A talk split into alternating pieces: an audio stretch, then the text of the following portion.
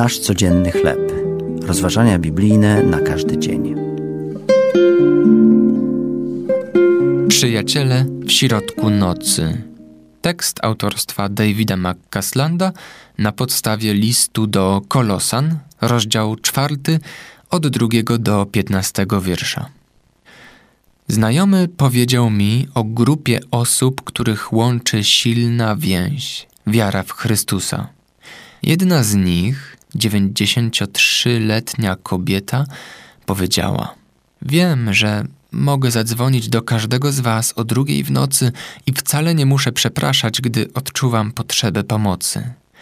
Bez względu na to, czy potrzebą jest modlitwa, praktyczna pomoc czy obecność w trudnej chwili, przyjaciele są sobie bezwarunkowo oddani. Oddani.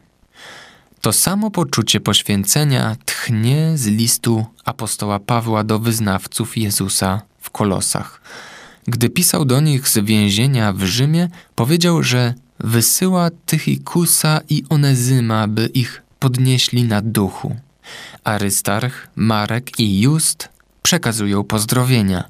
Epafras zaś nieustannie toczy za was bój w modlitwach, abyście byli doskonali i trwali we wszystkim, co jest wolą Bożą. Są to śmiałe zapewnienia praktycznej pomocy i głębokiej miłości.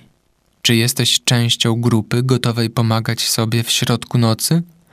Jeśli tak, to bądź wdzięczny za wierność Twoich przyjaciół.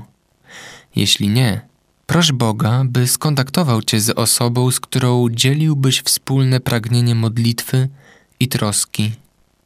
Sądzę, że niedługo potem zaczniecie włączać w to innych ludzi.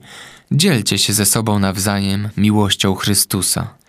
Czymkolwiek, kiedykolwiek i gdziekolwiek, a wszystko w imię Jezusa.